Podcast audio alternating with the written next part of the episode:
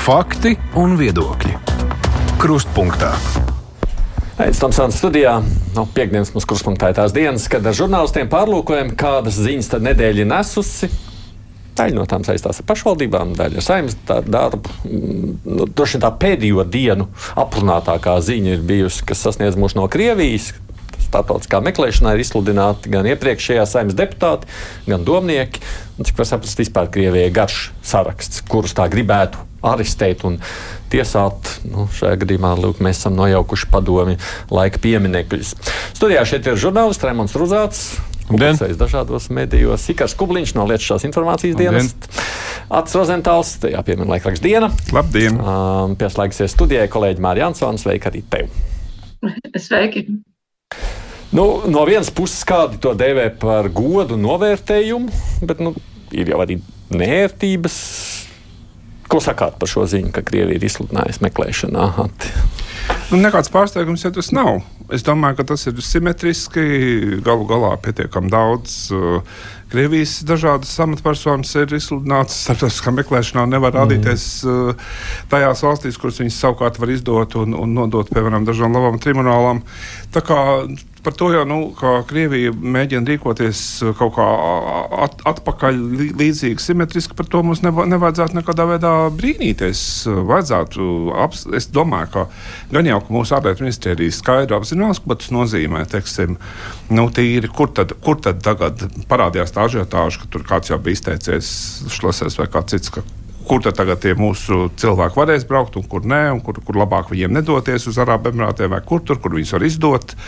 Un tā tālāk. Un tās robežas vajadzētu tagad tīri lietišķi saprast, bet pats fakts, ka nu, mēs ideoloģiski šobrīd esam kara apstākļos, nu, tas jau ir uh, nepārprotami. Nu, to, nu, kuru mēs ar to varam pārsteigt? No, nu, gan, man liekas, ka mums jau vajadzēja to saprast, tad, kad Jačslavs Dombrovskis glābšanas jā. operācija bija, vai neatceramies jau Kazahstānā. Jā, jā, tas ir arī tas, ko laikam vajadzētu no šīs epizodes mācīties šiem cilvēkiem, kas ir šajā sarakstā, ka lieki lauva aiz ūsām neraustīt un uz attiecīgām valstīm, kuru loku visi tāpat apzinās, vienkārši nedoties. Bet uh, par to pagodinājumu es, es droši vien uztvertu līdzīgi. Jā, ja, ja, ja, ielikt, ja tev ieliek šādā sarakstā, šādos ģeopolitiskajos apstākļos, tad var saskatīt arī pagodinājumu pazīmes tajā visā. Bet uh, nu, tie cilvēki, kas ir iekļauti, bet uh, nu, kopumā amizanti tā, tā situācija. Tu esi drošs, ka tu tur neesi iekļauts.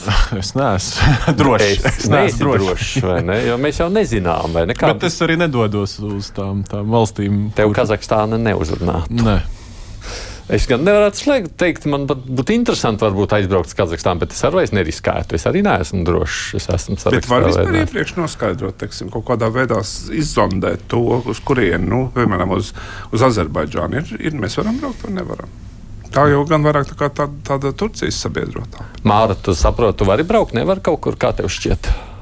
Nu, te, to, to sajūtu, kad ir bailīgi braukt. Es ļoti labi atceros vēl it kā miera laikos, kad es trīs gadus strādāju Krievijā. Nu, atzīšos, ka tur visu laiku bija tāda sajūta, ka nu, kāds tev raugās no mugurpuses, un nu, nebija patīkami. Un tāpēc šobrīd braukt uz eh, kaut kādām valstīm, kuras iespējams ir Krievijas sabiedrotās, es eh, absolūti negribētu, bet es arī nu, netaisos to darīt. Bet eh, te ir tomēr viena lieta, ko Atis jau ļoti skaidri pateica, ka tagad vajadzētu nu, tā skaidri iezīmēt robežas, uz kurieni tad eh, šīs amatpersonas vai vispār cilvēki, kas ir iekļauti sarakstā, var braukt vai nevar braukt. Jo tas skaidrs, ka ja mēs gribam izolēt Krieviju no kaut kā, kādām attiecībām eh, starp valstu, mēs arī esam ielikuši gan sankciju sarakstos, tagad Putins un par pilnīgi citām lietām un krietni nopietnām lietām arī ir starptautiskā meklēšanā un arī rūpīgi izraugās, uz kurien doties, uz kurien nedoties. Tad jautājums, kuras ir tās valsts, uz kurām tagad nevajag, uz kurām nevajadzētu doties mūsu cilvēkiem, Un jautājums, vai tas saraksts nav vēl plašāks nekā vietas, uz kurieni var, nedo, nevar doties Putins. Nu, respektīvi, ka tā, abas puses mēģina iezīmēt teritorijas, kurās, nu, kuras savā starpā satiekas, kur, kur, kurš drīkst un kurš, kurš nedrīkst ierasties. Un man liekas, ka tas ir.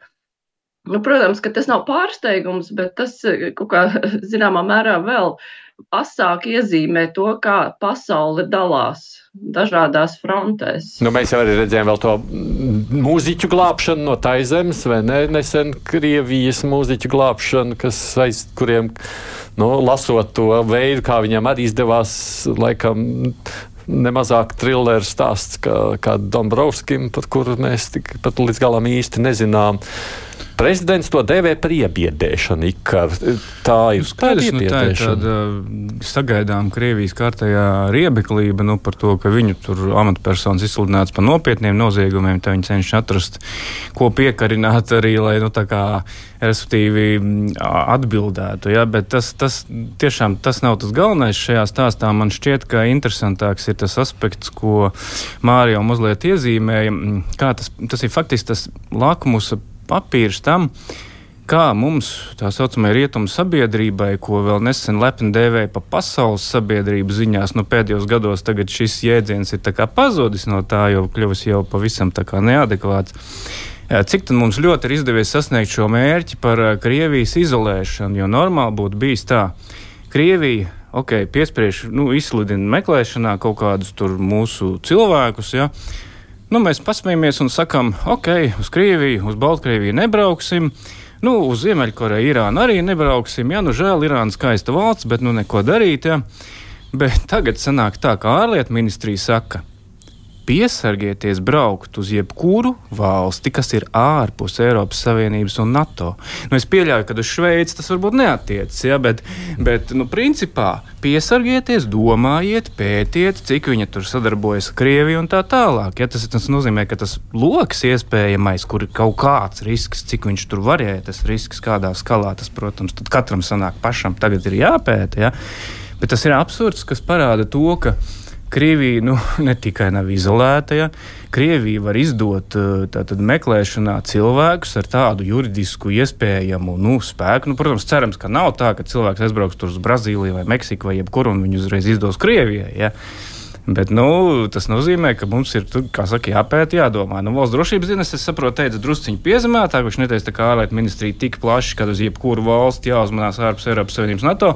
Viņš teica, nu, papētiet, cik cieši ir tā Krievijas sadarbība ar ar, ar tā, tās valsts sadarbību ar Krieviju. Ja? Nu, kam tas būtu jādara? Tagad katrai privātpersonai tas būtu jāizpēta. Nu, pieņemsim, ja? man kā privātpersonai. Es paskatos, ka, kur, pieņemsim, prezidents Putins saka, ka viņš tulīt brauks, ir Turcija. NATO valsts, bet Turcija tad, tad man ir jāuztraucās braukt uz Turciju. Var atpūsties vai nevar braukt? Pieņemsim. Jā, un vai Putinam ir jāuztraucas jā. braukt uz Turciju, kurai ir kā būtu jā. tā kā gatavs jā, jā, jā. Ne, neriskēt vai kā to saukt. Nu, proti, jā, bet vai tad kāds var pateikt no otras puses, kur valsts tad ir tā drošā? Nu, kurš var šodien pateikt? Kurš var vispār kaut ko pateikt par to, kas būs rīt. Bet uh, nu, tā jau ir jāskatās. Nu, viena lieta ir, vai brauc kaut kur uh, Aits Tomsons vai Raimons Rudzāts, un cita lieta ir tā ir uh, amatpersona, kas kaut ko ir darījusi, lēmusi. Nu, Privātpersonām tas risks aizbraucot uz, uz, uz tādām neitrālākām valstīm, kaut sadarbības valstīm, es pieļauju, ka ir mazāks nekā tiem, kas nu, ir vismaz šajos mm -hmm. minētajos sarakstos. Ja? Nu, nu, tur jau tika pieļauts, ka tie saraksti esot turbūt arī plašāki un nemaz ne viss ir publicētai mēdīja zona. Nē, droši, bija droši, kaut kāda droši vien, jā, bet, noteikti. Jā. Jā. Atceramies tajā brīdī, kurš uzzināja, ka Kalniet, man liekas, vienā brīdī uzzināja nejauši, vai ne, ka viņi jau tur grasījās braukt un ka neaizbrauc.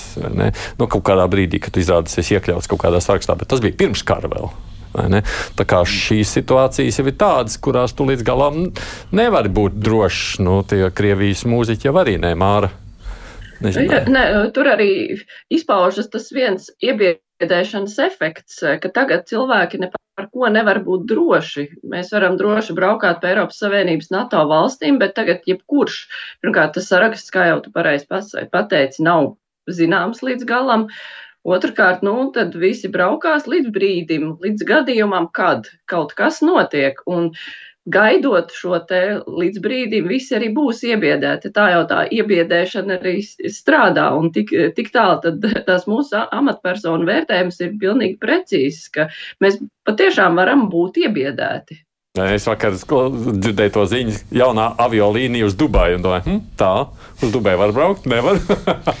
jā, tas ir jautājums, jā, cik, jā. cik uz, uz kādu cilvēku loku tas attiecas un cik lielā mērā mums tiešām arī šeit sēdošiem vai, vai, vai tiem, kas klausās, cik viņi, cik viņi jūtas, nu, ka, viņus, ka viņi var būt iekļauti kaut kādā sarakstā. Jo nu, tāds, nu, Cik tu esi bijis savus nostājas aktīvs paudējis? Tieši tā, nu var jau būt, ka mēs visi esam iekļauti, tāpēc, ka mēs te tagad ar tevi runājam, varbūt to šī diena iekļaus vai šīs dienas vakarā. Pie manis paši. Bet, bet tā ir tā lieta, ka, nu, Dubaja tevis pieminētā Āfrikas valstis, kuras sadarbojas ar Krieviju, tāpat Ķīnai, nu saprot, kas tur vai īsti notiek. Jā, Eģipte, ka, jā, Eģipte, kas tiek piesaukta arī šajā sakarā, tur tā, nu, nevar saprast, un uz kur tomēr ļoti daudz cilvēku brauc.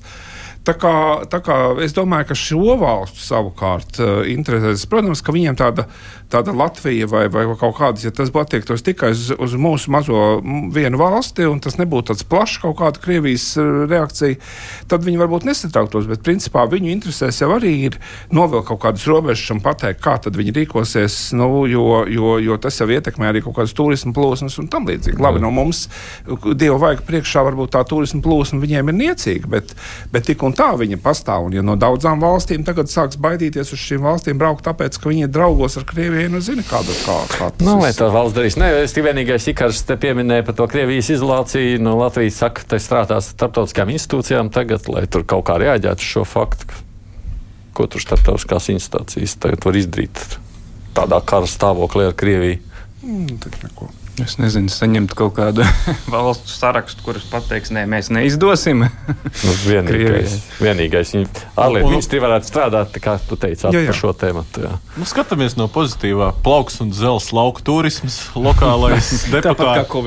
Deputāti vairs uz Ķīnu nebrauks, nebūs par to jāceps. Ir zelta maliņa arī tajā visā. Saimnes deputāte Glorija Grevcova vairs nav deputāte, ir zaudējusi amatu. Tad, tad ar meliem var kļūt par deputātu uz pusotru gadu. Man tāds secinājums jāizdara. Jā. Nē, nu, visi jau tā, tas, tas saraksts pats par sevi bija ļoti odios, un viņi tur uh, ar savu raibo pagātni, protams, bija kā ķirsīts uz putukrējumu tajā visā, un kaut kādā mērā jau viņas, uh, viņas stāsts ir veiksmes stāsts. Nu, līdz šim brīdim, ja, bet uh, algu viņi saņēma kaut kādu brīdi. Uh, ieraksts CV saimnes deputāts, tas jau nedzēšās, un pie tā, ka viņi tur, tur iepriekš bija dēļ padevējs vai kas, ja, un intīmu pakalpojumu sniedzēji, vai, vai, vai nu, tur bija visādas ja, uh, spekulācijas, tad, tad šis uh, nu, bija interesants uh, precedents Latvijas politiskajā spektrā kopumā. Vēl jau nav teikts, vai veiksmīgs stāsts nav beidzies. Viņa tā tad būs Eiropas parlamenta deputāta, jo kandidēja uz Eiropas parlamentu. Ja, nu, kas tur daudz ko teiks, domāju, lakoniski gudri meli netiek pieķerti, stulbi meli tiek pieķerti. Jā, nu, tajā pašā laikā ir viņa veiksmīgs stāsts vai nav viņai šie nu, tā bija ironija. Bet nē, nē, bet nu, nē, nu, kāpēc? Nu, varbūt arī nu, tomēr pusotru gadu deputāta alga jau nav slikta. Arī jā, nu, savs iegūms ir, protams. Jā, atmaksāt nevajadzēja viņai šo saņemto naudu. Iespējams. Jā, tas ir jurists jautājums. Jā. Māra, ko tu saki? Nē, es domāju, ka tas galīgi nav veiksmes stāsts, jo viņa tāpat būtu ievēlēta, arī ja viņa nebūtu norādījusi, ka viņai ir augstākā izglītība vai kādas tur darba vietas, jo viņas vēlētājiem tas absolūti neinteresē, vai viņai ir vai nav augstākā izglītība.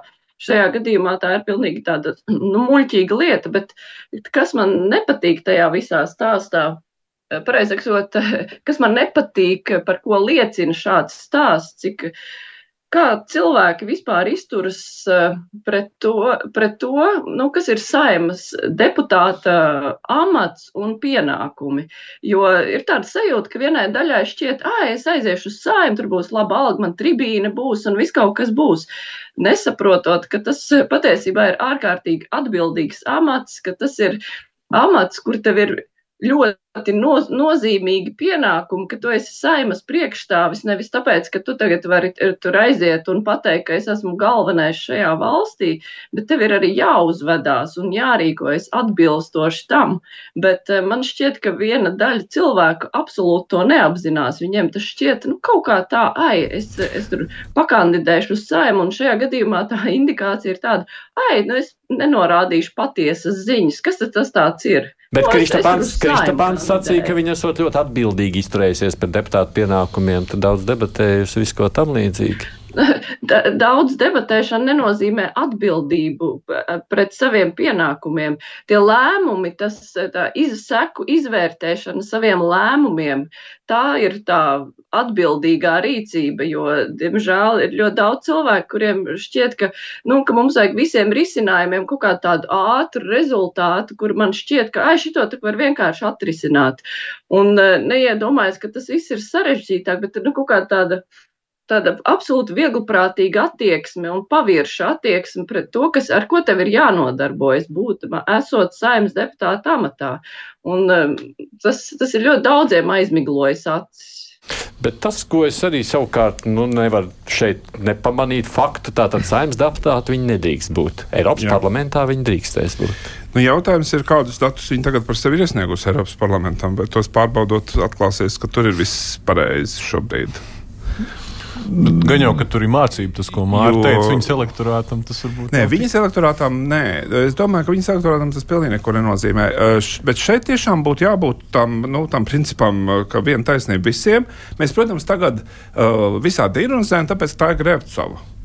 Bet mums vienmēr ir jāpadomā par to, ka vai, vai šī nu, sabiedrības ir, ir jau bijuši arī iepriekš reakcija ar, līdzīgiem, ar līdzīgām sakām būtu tad, ja pēkšņi atklātos, ka, piemēram, Krišāns Kariņš ir iesniedzis. Ne, mums, ir, mums ir bijuši gan krimināli procesi, vai ne, um, un cilvēki. Bet tas, ko Mārta teica, gan ad, ir, mandātus. ir, tā ir tāda veca lieta, kas arī visu laiku jau ir diskutēta par to, vai, ir jā, vai nav jāuzstāda deputātu kandidātiem jebkāda kritērija, tāpēc, ka tiešām šobrīd ir tā, ka kaut kādām valsts institūcijām, ja, ja tu gribi kļūt par kaut kādu pat neaugstākā līmeņa uh, kaut kādu ierēdni, tev ir jāiziet cauri konkursu procedūrām vairākās kārtās, tev ir tev ļoti, ļoti rūpīgi vērtīt, tev tur dod visādus uzdevumus darīt un visu kaut ko, lai pārliecinātos, vai tava profesionāla piemērotība atbilst.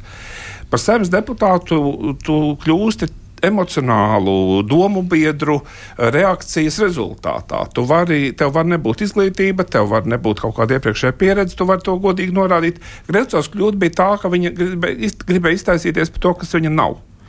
Ja, ja viņa būtu godīgi norādījusi, tad pilnīgi taisnība Mārai viņa tāpat būtu ievēlēta, jo viņa bija sociālo tīklu zvaigzne. Viņa neviens neinteresē, vai viņai ir augstākā izglītība vai nav šajā konkrētajā situācijā. Viņai varēja būt arī četras klases norādīts, un, un, un tas šī gadījumā to ne, neko nemainītu.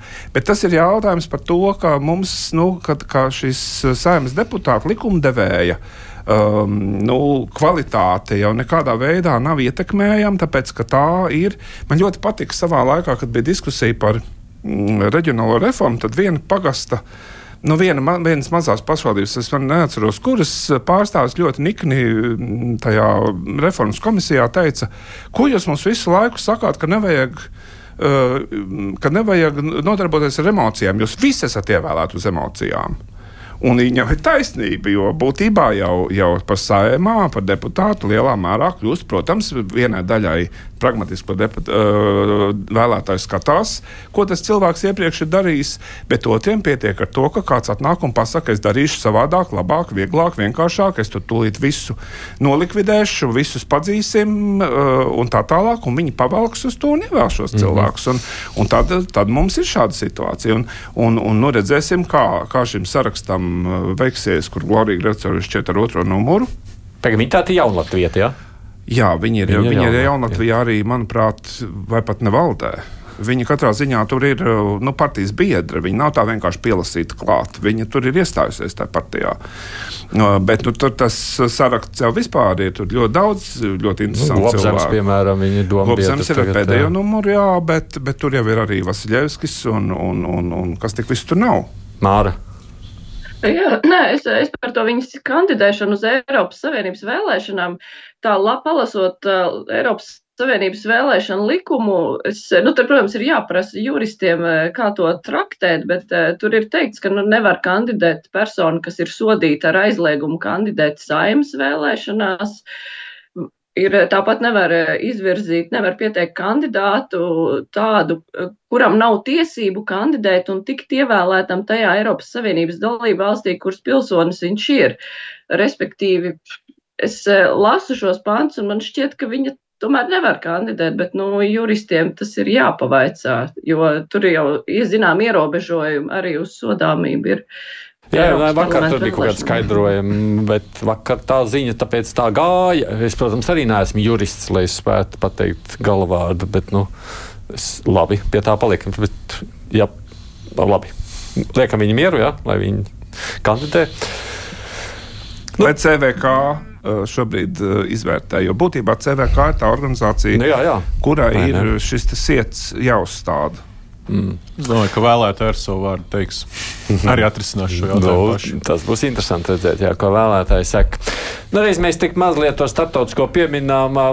Viena ziņa, kas šajā nedēļā bija, ka Latvijas zemnieki ir vienojušies ar Centrālā Eiropas un Austrum Eiropas valstu zemniekiem, ka viņi kopīgi piedalīsies protesta akcijās, lai mēģinātu ietekmēt Eiropas Savienības nostāju lauksaimniecības jautājumos. Nu, pats par sevi saprotams, mums te bija arī diskusijas. Mēs esam par to šeit arī krustpunktā runājuši. Tur tiešām ir virkne lietu, kas zemniekiem nepatīk Eiropas Savienības rīcībā. Man samulsināja tas, ko mēs tam brīvajā mikrofonā mazliet pieminējām šodien arī, ka tā kā pirmā prasība tur ir minēta, vismaz medijos tā viņa arī parādījās, tad, tad Ukrainas produktu importu ierobežošana. Tur gan pēc tam vēlāk parādījās formulējums vispār citu Eiropas, ne, ne Eiropas Savienības valstu produktu imports, bet nu, tas Ukraina neapšaubām tur Polijai ir tas svarīgais jautājums, acīm redzot, tāpēc viņš arī tur gāja kā tas pirmais numurs. Latvijas zemnieki, kas te bija šeit pirms nedēļas, viņi protestēja pret Krievijas pārtiku, vai ne? Te kā man skaidroja brīvā mikrofonā, šie esot citi zemnieki, kas vienojušies ar tiem Austrum Eiropas. Tiem savukārt, tajās starptautiskajās prasībās viņas neredz, tā tad vairs Krievija, viņiem tur ir Ukraina svarīga. Kā tu to saproti, Ikar? Nu, tas, manuprāt, ir tas viens no skumjākajiem īstenībā, ko mēs runājam. Tajā kontekstā par to Ukraiņas tematiku šodien. Jo šajā gadījumā jau mēs vairs nerunājam par kaut kādām trešās pasaules valstīm vai Krievijai draudzīgām valstīm, ja, kur tur ir varbūt kaut kāda vēsturiska iemesla, kāpēc arī viņas ir draudzīgākas Krievijai nekā rietumiem. Šajā gadījumā mēs runājam par Austrumēropas valstīm, kas it kā visasāk izprot to Krieviju, to, to Krievijas to kāru Ukrainā un tā tālāk, un, un politiski, protams, arī atbalsta aktīvākie atbalstītāji, militāri, politiski un tā tālāk. Bet šajā gadījumā šo valstu lauksaimnieki, diemžēl, ir stādījuši augstāk savas privātās pašlabuma nu, kaut kādas lietas, Un nav jau tā, ka tur nu, pameklē, nu labi, var saprast, protams, viņiem krītās ienākumi. Tur Ukraiņas graudas, saprot, tā problēma tāda, kas ir pamatā paredzēta tranzītam uz tām Āfrikas valstīm. Un īstenībā polijas pašas tur politiķiem piedarošas kaut kādas kompānijas, tos graudus nošmugulīja un sāk pārdot pašā polijā, vai ne? Tur par 20% lētāk. Ja? Nu, nu, tas nozīmē, ka lai viņi pirmkārt cīnās ar pašiem nu, šīm poļu kompānijām, ja? nevis ar Ukraiņu šiem graudu importētājiem. Otrakārt, tātad nu, 20% labi, bet uh, es meklēju, nu, neizdevās man tā atrast, protams, poļu valodu, ne, valodu nepārvaldu, nezinu, bet nu, kaut kādas tādas ziņas par to, ka ir sākušās milzīgi tur polijas zemnieku bankroti un ka nu, tagad uh, laukstrādnieki masveidā tiek atlaisti un, krī, un tiešām tāda mēroga krīze, ja, nu, kas tiešām uz nabadzības sliekšņa viņus noved. Ja. Nē, nu, ir jās, jāsavienās ar kaut kādu peļņas maržas samazināšanos, bet salīdzinājumā ar to, ar ko, ko, izt, ko maksā Ukrāņi ar savām asinīm, un tas nav tikai mēs lietojam to frāzi, mēs esam pieraduši pie tās frāzes, viņi cīnās par Eiropu, cīnās par mums, bet tā ir realitāte. Un es domāju, ka poļi taču to it kā saprot, vai ne? Bet tai, tai pašā laikā viņi bloķē ceļus. Uh, tur esmu ziņas par to, pa, ka Kraus gāž uz ceļa ārā. Grāž, un, un, un tur šie ukrāņi, kā daži šoferi pat nomiruši stāvot tajos bloķētajos ceļos un tā tālāk. Man vienkārši liekas, ka tā ir šausmīga egoistiska bezskaunība no, no šo lauksaimnieku puses. Un, Tajā ziņā, nu, un absolūti kaut kādi greizie spoguļi, tas, ka agresoru valsts Krievijas graudu imports Eiropā joprojām Eiropas līmenī nav aizliegts. Labi, ka mēs tagad esam beidzot atmodušies, sasparojušies februāra laikā, tiek solīts to likumprojektu tur, tur pieņemt. Un Latvijai tas bija īstenībā kā pirmajai jārāda piemērs, jo mums bija apmēram lielākā daļa no visiem Krievijas importu. Šobrīd es saprotu, trešdaļa vispār, kas ienāk Eiropas Savienībā caur Latviju, ienāk. Ja? Tā kā tas ir pareizi. Bet, nu, cerams, ka sekos mūsu piemēram sakaunēsies. Šoreiz mēs būsim pirmie. Igauni nebūs bijuši pirmie. Viņi te sekos mm. lietuvieši un tālāk arī visa Eiropa. Nu, varētu būt šis domino efekts, vismaz aizliegt šos Krievijas graudus, lai nebūtu šī paradoxāla situācija, ka Krievijas graudus mēs neaizliedzam. Bet Ukraiņas graudiem gan ir bijis piemērots Eiropas Savienībā jau uh, apstiprināts embargo uz šīm uh, vidus Eiropas valstīm. Ja? Es nezinu, šobrīd viņš ir vēl spēkā vai nav, bet nu, tāpat praktiski uz ceļiem viņus bloķē. Ja? Nu, tas viss ir, manuprāt, absurdi un skumji.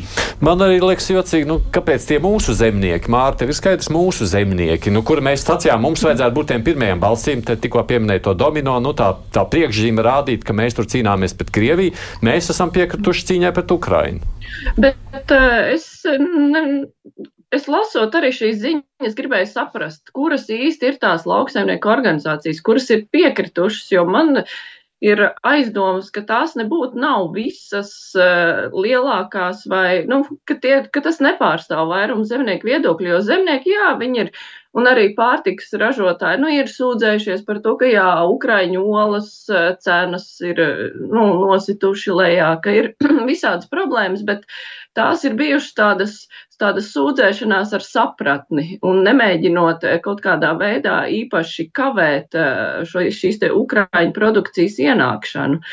Un eh, man šķiet, ka Latvijas lauksaimnieki ir līdz šim arī izrādījuši tādu nu, vairāk vai mazāk solidaritāti, tādu morālo, un nav bijušas kaut kādas akcijas pret Ukraiņu, Ukraiņas zemniekiem. Un šajā gadījumā uh, ja ir bijusi kaut kāda vienošanās, tad skaidrs, ka jā, grib vienoties eh, kopā, lai Eiropas Savienība aizstāvētu savas intereses, nu tādā izpratnē, lai mums tur būtu labākas subsīdijas, eh, izdevīgāk apstākļi, bet eh, tas, ka poļi ir pret Ukrainas produkciju un ka mēs esam tā kā, nu, tur pievienojušies.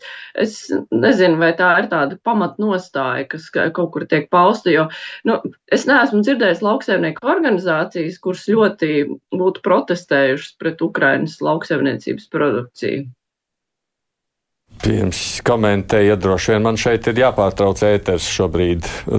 Ziņu lenta un Twitter ir aizgājis ar pilnu paziņojumu. Tas nāk no Meduzas un no Krievijas. Aleksis Navaļnīs ir miris Krievijas kolonijā kā uz šo ziņu, lai reaģējam? Nu, pārsteigums tas nav. Vai ne? Laba ziņa tā, protams, arī nav. Nu, vēl viens Putina opozicionārs, kurš pievienojas tai asiņu, asiņu listē. Jā. Nu, vai tas atstās kaut kādu īstermiņu vai ilgtermiņa ietekmi uz Krievijas iekšpolitiku, man grūti prognozēt īstermiņā pieļauju, ka nē. Tā, tad, tā ir bijusi nav. Nu, man šobrīd arī saka, ka tā esot oficiāla informācija. Nu, Meduza ziņot, ka zināms, Twitterī tāds profesors Priebražinskis, kas aktīvi tur tvīto, sakot, ka tas arī oficiāli šobrīd no Krievijas varas iestādēm apstiprināts, ka viņš esot miris. Nu, tā bija Navaļnī kļūda atgriezties Krievijā. Visi, Navaļņīs tobrīd, kad viņš brauca atpakaļ uz Krieviju, apzinoties skaidri, kas ar viņu tur notiks. Nu, tas man likās vispār tā no malas skatoties. Nu, viens cilvēks no miljona varbūt kaut ko tādu spēja darīt. Ja, tas, protams, bija ļoti drosmīgi. Nu, viņš atceramā cerēja, ka ar šo piemēru viņš kaut ko iekustinās, kaut ko sakustinās un, un tā. Nu, tas īsti, diemžēl, nenotika. Un, Īstenībā brīnums bija tas, ka viņš tik ilgi nodzīvoja tajā cietumā. Un, viņš bija indēts. Taču, nu, jā, jā un, un es domāju, nu, ka varbūt tur. Nu, viņš ir ļoti, ļoti spēcīgs cilvēks, viņš tur spēja ilgi izdzīvot, bet tas, ka šobrīd tas ir, kā saka, viņš ir miris, nu, tas tikai pierāda, diemžēl, arī to, ka arī nu, tā Putina visvarenības apziņa tikai arvien vairāk un vairāk pieaug. Un, Un, un, un, un viņam ir nu, atsakot, nu, nu, nospēlēties jau sāk kļūt uz visu. Ja sākumā tur likās, ka varbūt nu, tomēr, nu, viņš tā kā nu, vismaz dzīvi viņu tur atstās, ja vai kaut kā marinēs tajā cietumā, tā, bet nu, nepadarīs par šo mocekli, kas ir, kas ir miris tajā cietumā. Kaut gan nu, viņš moceklis, protams, bija tāpat arī esot tajā cietumā. Bet, nu, Nu, jā, nu, bet, jā, no acīm redzot, nepietika ar to. Nu, kaut gan mēs jau nezinām neko pašlaik, mēs jau nezinām apstākļus un kā tas viss ir noticis. Diemžēl man jāpiekrīt, lai cik tas ciniski uh, izklausītos, ka to, tas nav milzīgs pārsteigums. Uh, gaidīt varēja, ka kaut kas tāds var notikt, varēja cerēt, ka tas nenotiks. Bet, Bet katrā ziņā nu, nu, um, šis jāatceras, ka, ka šis ir Krievijā vēlēšana gads un ka, ka šobrīd izskatās, nu, ka tās skrūves tiek grieztas tā, ka nu, lai nu, ne no vienas puses nebūtu risku, ka, ka, ka tās vēlēšanas kaut kā varētu prezidenta vēlēšanas varētu kaut kā sasvārstīties kādā virzienā. Bet, bet nu jā, nu, tur, tur mums būtu jāsaprot arī tiešām apstākļi, kas, kas Vai mēs ir. tos vispār uzzināsim? Protams, ka nē, bet nu, varbūt kaut, kaut, kaut kāda informācija, kaut kādas versijas jau parādīsies. Jā, Māra. Nē, droši vien, ka mēs kaut kādus druskus uzzināsim, bet, eh, ja tā, nu, tā ziņa ir taisnība, un es arī skatījos, ka tur jau dažādi avoti to BBC arī šobrīd ziņojā. Uh -huh.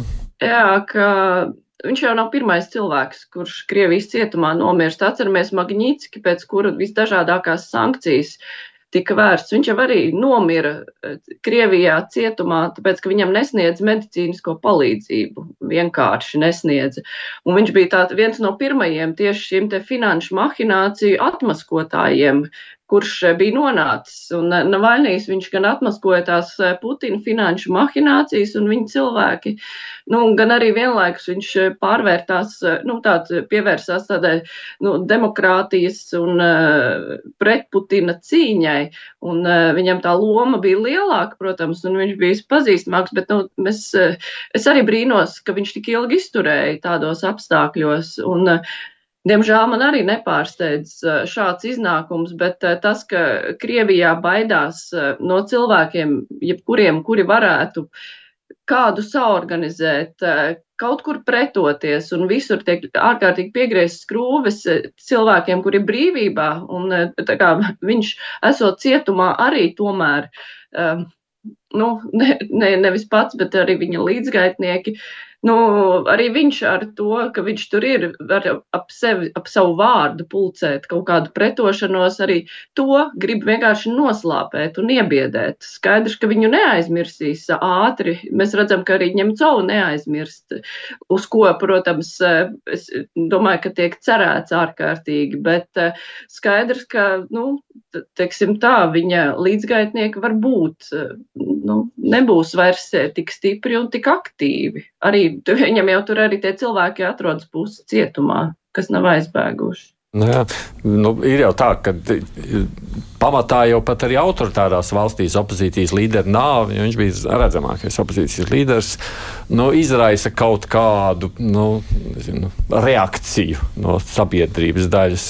Krievijā neko nesagaidīsim, jūs prāt. Bet tagad jau arī Nadeždins tur bija savāds, cik tur 200 tūkstoši to parakstu cilvēku stāvējuši rindās un tā, nu it kā tur iespējams atbalstītāju lokus, un tad viņam ir kaut kādos miljonos iespējams vērtējams, ja, bet nu, šie cilvēki var tagad vienkārši nepielaidīs vēlēšanām, nu, vai te viņi ies protestēt.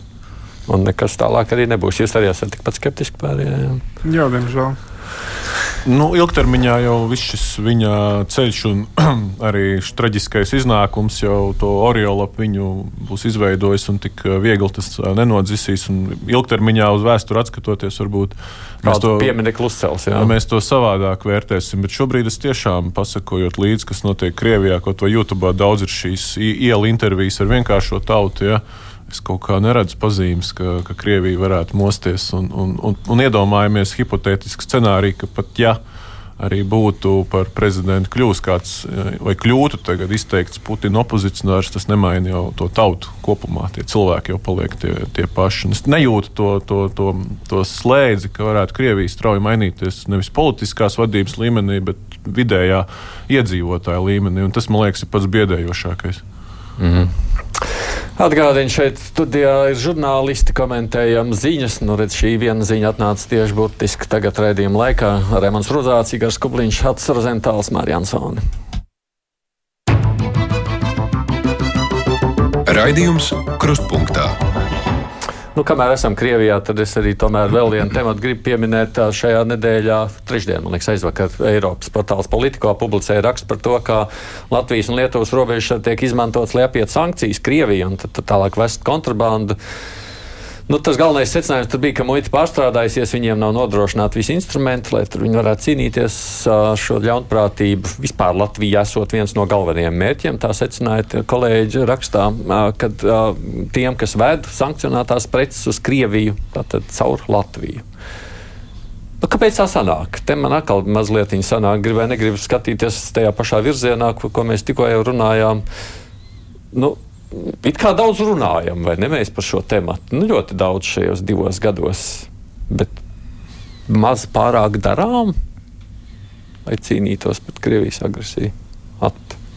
Es nezinu, nu šī konkrētajā gadījumā, uh, redz, nu, mums jau tā it, it kā ir izdarīts nu, tas, tas, tā daļa mājas darba, ka nu, ir jau samazināts tas, tas robežu punktu skaits, par kuru vispār kaut kas var notikt caur kurieni. Jā. Tas jau ir izdarīts, bet tad, tad ir jautājums, nu, tad kas tad tur uz vietas notiek uh, un, un, un, un kā, to, kā to novērst.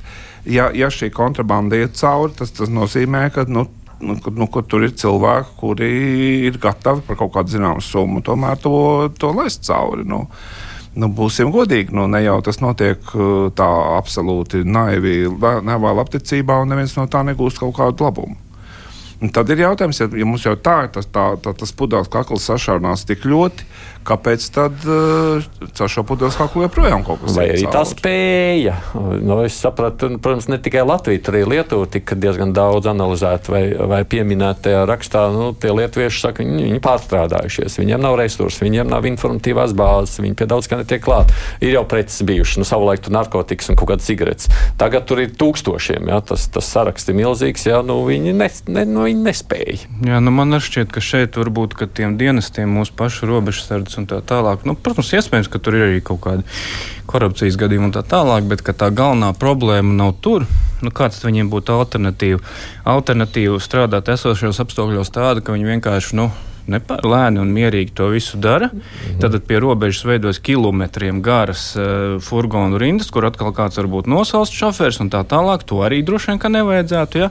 Bet uh, problēmas tā sakne ir faktiski tajā, kā vispār šīs sankcijas ir organizētas.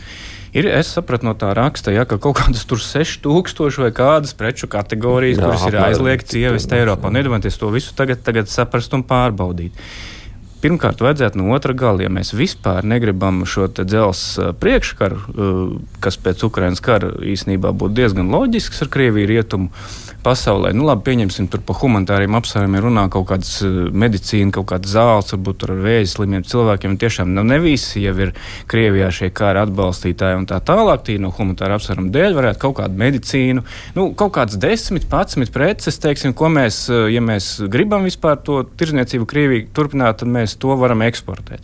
Tādā gadījumā sankcijas ir pēc otra principa. Nevis sarakstam visas preces, ko mēs Negribam vēst sarakstam 10, 15 preces, ko ir drīkst vēst robežai. Robežsargam ir elementāri, viņš apskatās furgonā, ja tur ir tās preces, un nevienas citas viņš laiž to furgonu pāri. Ja tur ir kaut kas cits, viņam vienkārši nekas tur nav jābrīnās un jāpēta. Furgons Tā tad otrkārt, ko dara ar šiem uh, furgoniem un šiem šoferiem? Viņus vienkārši palaiž tālāk, lai viņi brauc uz nākamo robežu punktu. Jā, tas arī bija tajā mm -hmm, rakstā. Jā. Labi, es atkal saku, ka nevajadzētu droši vien apcietināt tagad visus tos, tos šoferīšus, ja, kuri tur grib nopelnīt to iztiku. Nu, iespējams, nezinu, tur mēs piebāzīsim pilnas cietums ar viņiem, bet tas, tas diez vai. Bet vienkārši konfiscēt furgonu konfiscēt visas tās preces, kas noder mums pašiem, kas noder Ukrāņiem, to sūtām Ukrāņiem, un drīz vien vairs neviens negribētu vest nekādas kontrabandas preces, ja mēs tā sāktu rīkoties. Pat nevajadzētu slēgt robežu. Tā ir pirmā problēmas puse. Otrā problēmas puse, protams, par to tranzītu, ja, jā, kas ir iet uz Kazahstānu. Kad iet uz Kazahstānu tranzīts. Ja. Uh, it kā mēs ne, nevaram sankcionēt Kazahstānu, viņi taču neko sliktu nav izdarījusi, un tāpat visas tās pārējās Vidusāzijas valstis. Ja. Bet, nu, atkal, nu, vai nu, drusciņi vajag padomāt kaut kādu radošu risinājumu. Nu, paskatāmies, cik. Piemēram, tā pati Kazahstāna importēja mobilos telefonus 21. gadā. Nu, pierēķinam kaut kādu 10-5% dabiskais, teiksim, pirktspējas pieaugums, ko viņi objektīvi varētu patērēt paši. Uzliekam kvotu, ieliekam sistēmā, protams, jā, visi tie, kas to negrib darīt, teiks, cik tas ir sarežģīti, izveidot sistēmu, kā to uzkontrolēt, kā to izskaidrot. Bet eh, no alternatīva vienkārši pacelt rociņas un neko nedarīt. Nu, ja mēs izveidojam tādu kvotu sistēmu, tad robežsargs redz, ja pirmā mēneša, teiksim, janvāra laikā Kazahstāna jau ir importējusi jau tik daudz tās elektroniskās, visas tās dolās lietošanas preces, attiecīgi, ko var izmantot arī militāristi un tā tālāk, ka tas jau pārsniedz pašas eh, normālo Kazahstānas patēriņu, visas attiecīgajā gadā arī tranzītā uz Kazahstānu preces vairs neiet. No. Risinājumus vajag remontēt. Nu, kolēģis jau tādu labas idejas jā, piemetas. Tur jā. pat daudz ko nepiebildīšu, bet uh, darba organizācija un kaut kāda tā principu no, no, nospraušana un atlasīšana laikam ir galvenā atslēga tam visam, ko tajā politikā rakstā var izlasīt. Un, nu, tai problēmai, kas bija skicēta. racionālāk, iespējams, vienkārši tās lietas jāorganizē. Droši vien, ka arī mums, kā žurnālistiem, nu, varbūt ir varbūt jāmēģina saprast, kas tur notiek uz robežas. Varbūt, ka ir nu, tā nelaist vienkārši. ne, Domā, nu, tādu man liekas, ka mums ir uh, ļoti daudzās jomās, un arī šajā iespējams, ka nu, teiksim, labi, mēs varam tagad runāt, cik jauki būtu, ja, ja būtu kā, tajā brīdī, kad mēs kādai ministrijai uzstādīsim noteikumu, ka vajag sastādīt kaut kādus sarakstus, jūs dzirdēsiet, kāda kliēkšana tur sāksies. Jo neviens jau negrib to darīt.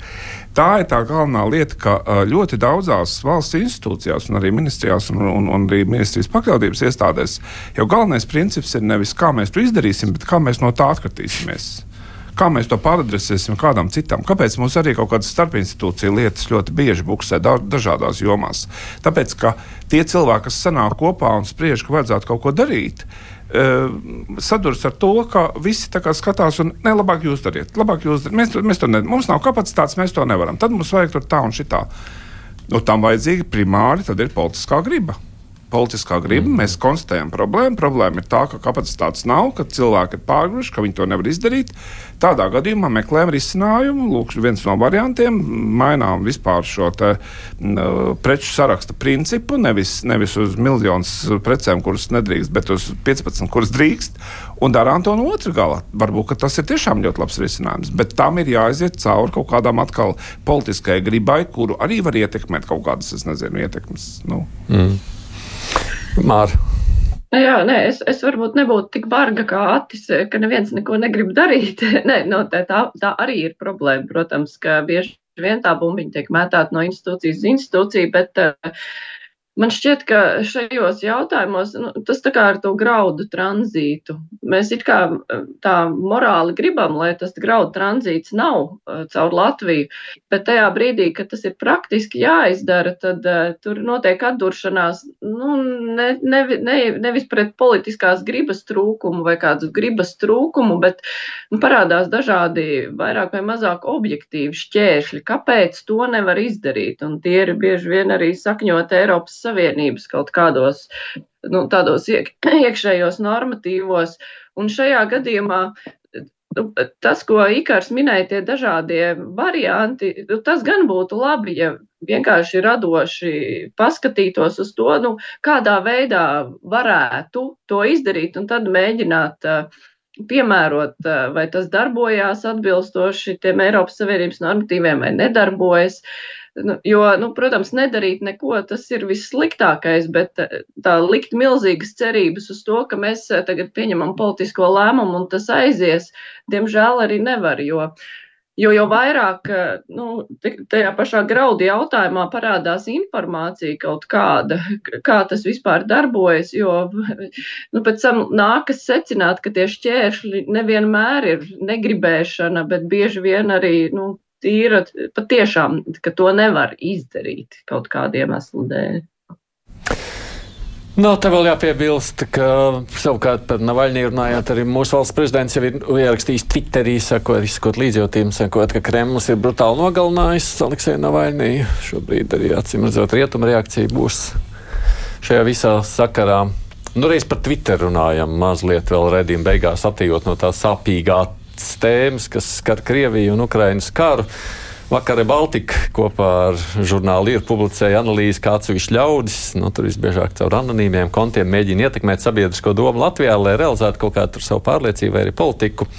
Nu, pats par sevi tas nav nekas slikts, bet nu, tā anonimitāte palīdz agresivitātei. Nu, tad Twitter šādi kļūst par tādu kā emocionālās vardarbības vietni.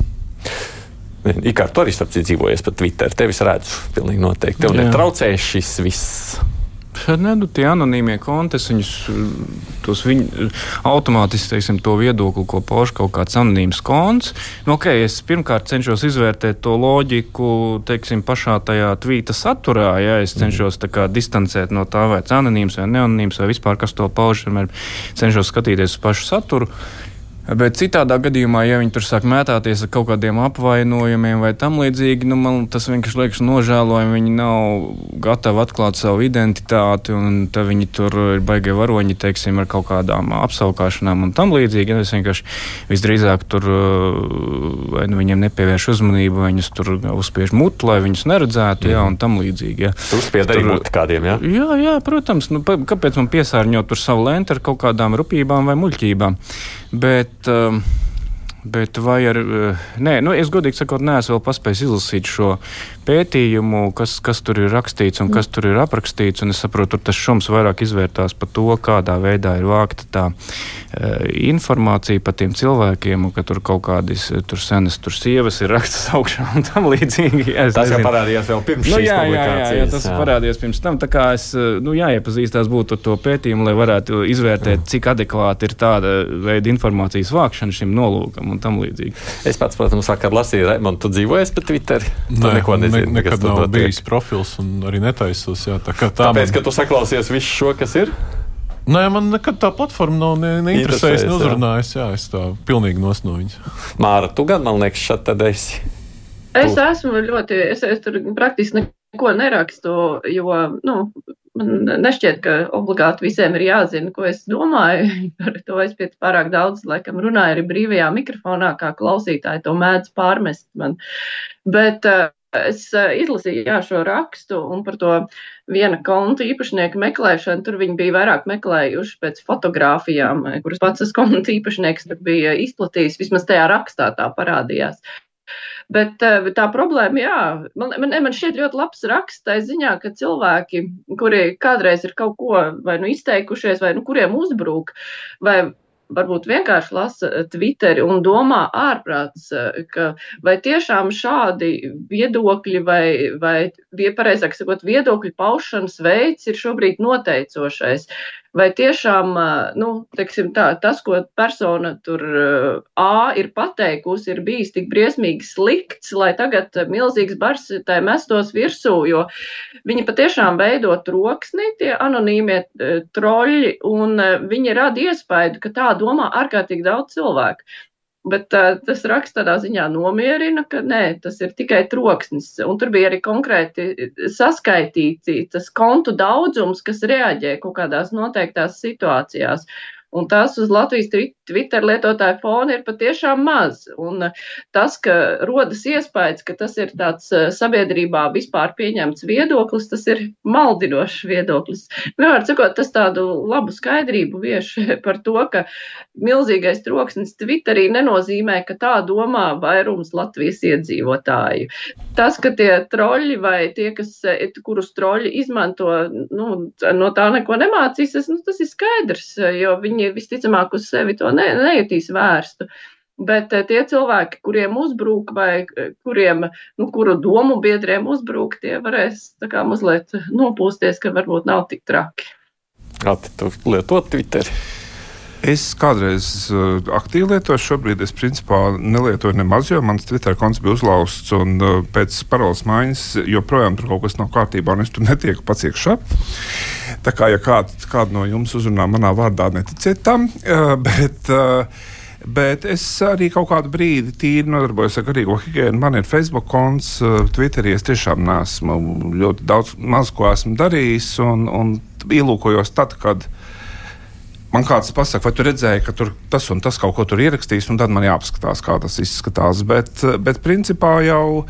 Nu, nu jā, šie, šie ir, ir, manuprāt, ir drusku jānodala arī, tā, ka mēs par to runājam ir, ir, protams, šie anonīmie konti, kur mēs īstenībā nezinām, kas aiz tā stāv un varam tikai nojaust, kā, kā interesēs viņi darbojas, uh, kuri, kuri vienkārši ganās par visu pēc kārtas. Un tad ir kaut kādi burbuļi, kas veidojas, kas arī diezgan bieži ir tādi virtuāli burbuļi, un mēs ar kolēģiem esam arī runājuši, ka tagad būs ļoti interesanti paskatīties, kā korelē dažu labu virtuālo burbuļu centrā esošas personas, kuras arī kandidē uz Eiropas parlamentu. Uh, ap, ap, ap kurām ir tas priekšstats, ka tu palasi Twitterī, ka viņām ir ļoti daudz atbalstītāju. Kā tas tagad nokorelēs vēlēšanās reāli? Kā, jā, kā, šie cilv, kā šiem cilvēkiem reāli, nu, reālais atbalsts? Jā? Vai tas ir tiešām tikai kaut kāds uzpūsts? Uh, jo, jo mums jau jārēķinās, ka šos sociālos medijus jau izmanto visdažādākajiem nolūkiem. Un, un ka tiešām šī reakcija uz kaut kādām lietām ir jāvērtē no tā, nu, uz ko, tā, uz, uz ko tā, vai tā ir vienkārši gānīšanās, vai tā ir gānīšanās ar kaut kādu teiksim, ie, iezīmi, propagandējot kaut ko konkrēti citu. Tur ir drusku tā no, nu, jānodala, jo, jo mēs varam vienkārši, var vienkārši te nosaukt, piedod, par cūku, vai, vai es varu pateikt, ka atšķirībā no tevis, teiksim, Ikars daudz sakarīgāk to dara un propagandēt viņu. Nē, par to, kā tās lietas notiek, tas ir viens. Nu, man gan tikai pāris minūtes ir palikušas, bet kas man liekas šajā stāstā interesants, nu, te viss atcerās Delfi komentārus kādreiz, ka tie bija. Kāpēc Delfi no Delfiem pazuda? Jo Delfi paši bija spiest īstenot projektu, nu, praktiski savu noteiktu programmu, ja tā to varētu sacīt, pēc tam, kad tur bija Eiropas tiesas spriedums, Eiropas mhm. cilvēktiesību tiesas spriedums, kurā izrādījās, ka redakcija atbild par tiem, kas komentē tavā vietnē. Vai ši, un šobrīd izskatās, ka nu, visas tās, tās rūpības ir aizcēlušās uz Twitter. Vai tas nozīmē, ka kaut kādā mirklī mēs piedzīvosim laiks, jo, jo nu, Delfiem redakcija tepat redz Lietuvā, Igaunijā, Igaunijā laikam pamatā, ja tajā brīdī bija, kuris, kuriem bija jāsāk ar šo. Uh, nu, kad, kad grib vai negrib arī Twitterim nāksies maskām Tā ir tāda jurisdikcija, to, kur viņiem ir Amerikā. Laikam, vai ne? Kur ir, jā. Jā. Bet, nu, Bet ja viņi grib darboties Eiropas Savienībā, nu, tad, tad varbūt jā, nu, vai nu viņi te vairs nebūs. Tad, ja viņi negribēs, ja Eiropas Savienība kaut ko tādu uzstādīs, jā, nu, tad viņi te vienkārši izslēgs to savu pakalpojumu. Vai arī kaut kāds kompromiss uh, tur būs. Nezinu. Jo idejiski jau tāds sanāk dubultstandards. To, ko tev neļauj jā, tādam igaunim, to tev ļauj amerikānim. Apmēram tā. Jāmāra. Nē, nu šajā gadījumā tā apgrūtinoši ir, teiksim, ja tādiem delfiem viņiem ir nu, skaidrs, ka bija lasītāji Latvijā, Lietuvā, Igaunijā, un ir skaidrs, ka tu vari vērsties tiesā, ja tur ir. Nu, katrā konkrētajā valstī un pēc tam tālāk Eiropā, piemēram, sūdzēties, bet uh, Twitterim, nu, es nezinu, vai kāds ir veicis tādu visaptvarošu pētījumu par to, cik daudz tādi agresīvi, anonīmi komentētāji ir vispār Eiropā. Tur katra dalībvalsts varbūt par kaut ko tur pasūkstās. Bet uh, ir, man šķiet, ka par tādu ļoti multinacionālu projektu ir grūtāk savākt tādus vispārējus pierādījumus, ka viņi kaut ko ne to dara. Un tāpēc tas varētu būt smagnējāk un ilgāk. Nu, labi, redzēsim, kā tas viss vēl virzīsies, bet nu, mums liekam aiz auss, ka ne viss, ko mēs lasām, jā, jā, jārada tā sajūta, ka nu, tā ir tāda milzīga tautas kustība, kādreizēm nu, apzināti tiek mēģināts veidot. Kolēģi Mārija Ansona, Rēmons Ruzāts, Iekārs Kubliņš, Šāds Rozentāls, paldies jums par to, ka atnācāt un komentējāt, bijāt gatavi izteikšies. Nu, par pašu Ukraiņu jau mēs arī šodien mazāk runājām, bet nākamajā nedēļā mums gan to būs daudz jāpiemina, tāpēc, ka nākamajā sestdienā aprit jau divi gadi kopš Krievijas šī pilna mēroga iebrukuma Ukrainā. Nu, tie ir tādi bijuši briesmīgi, bet nu, arī tādi lieli pārmaiņu gadi gan Ukrainai, gan nu, droši vien arī, protams, arī Eiropai. Mēs pirmdienas lielo interviju esam aicinājuši droši vien zināmāko Ukraiņas žurnālistu. Tā jā, jānodā, jānodēvē, kur daudz jau arī klausās Latvijā. Tad, tad tas būs Dmitrijs Gordons. Tā mums būs intervija tiešraidē, līdz ar to nu, tā notiks ar sinhrono tulkošanu, bet vēlāk internetā noteikti arī būs pieejama mums tāda saruna oriģināla valodā tiem, kas to prot. Protams, ka mēs runāsim par karu, to pašreizējo situāciju valstī, neapšaubām arī par Krieviju, gan jau Navaļniju un vispār jau tām ziņām, ko mēs tikko šodien uzzinām. Vēl pirms tam sestdienas laikmetā kruspunktā Arnim Krausam būs saruna ar kardiologu Pēteru Stradiņu. Tā kā izmantojiet iespēju arī klausīties mūsu brīvajā laikā. Atgādina raidījums, ir skatāms arī televīzijā. Mums trijos dienā pēc tam arī internetā, jebkurā brīdī jums aplikācijā, kad nērt, tad arī kruspunktā izmantojiet iespēju klausīties. Producents mums ir Ieva Zeiza, studijā arī bija Aits Tomsons, lai priekšā ir jaukas brīvās dienas.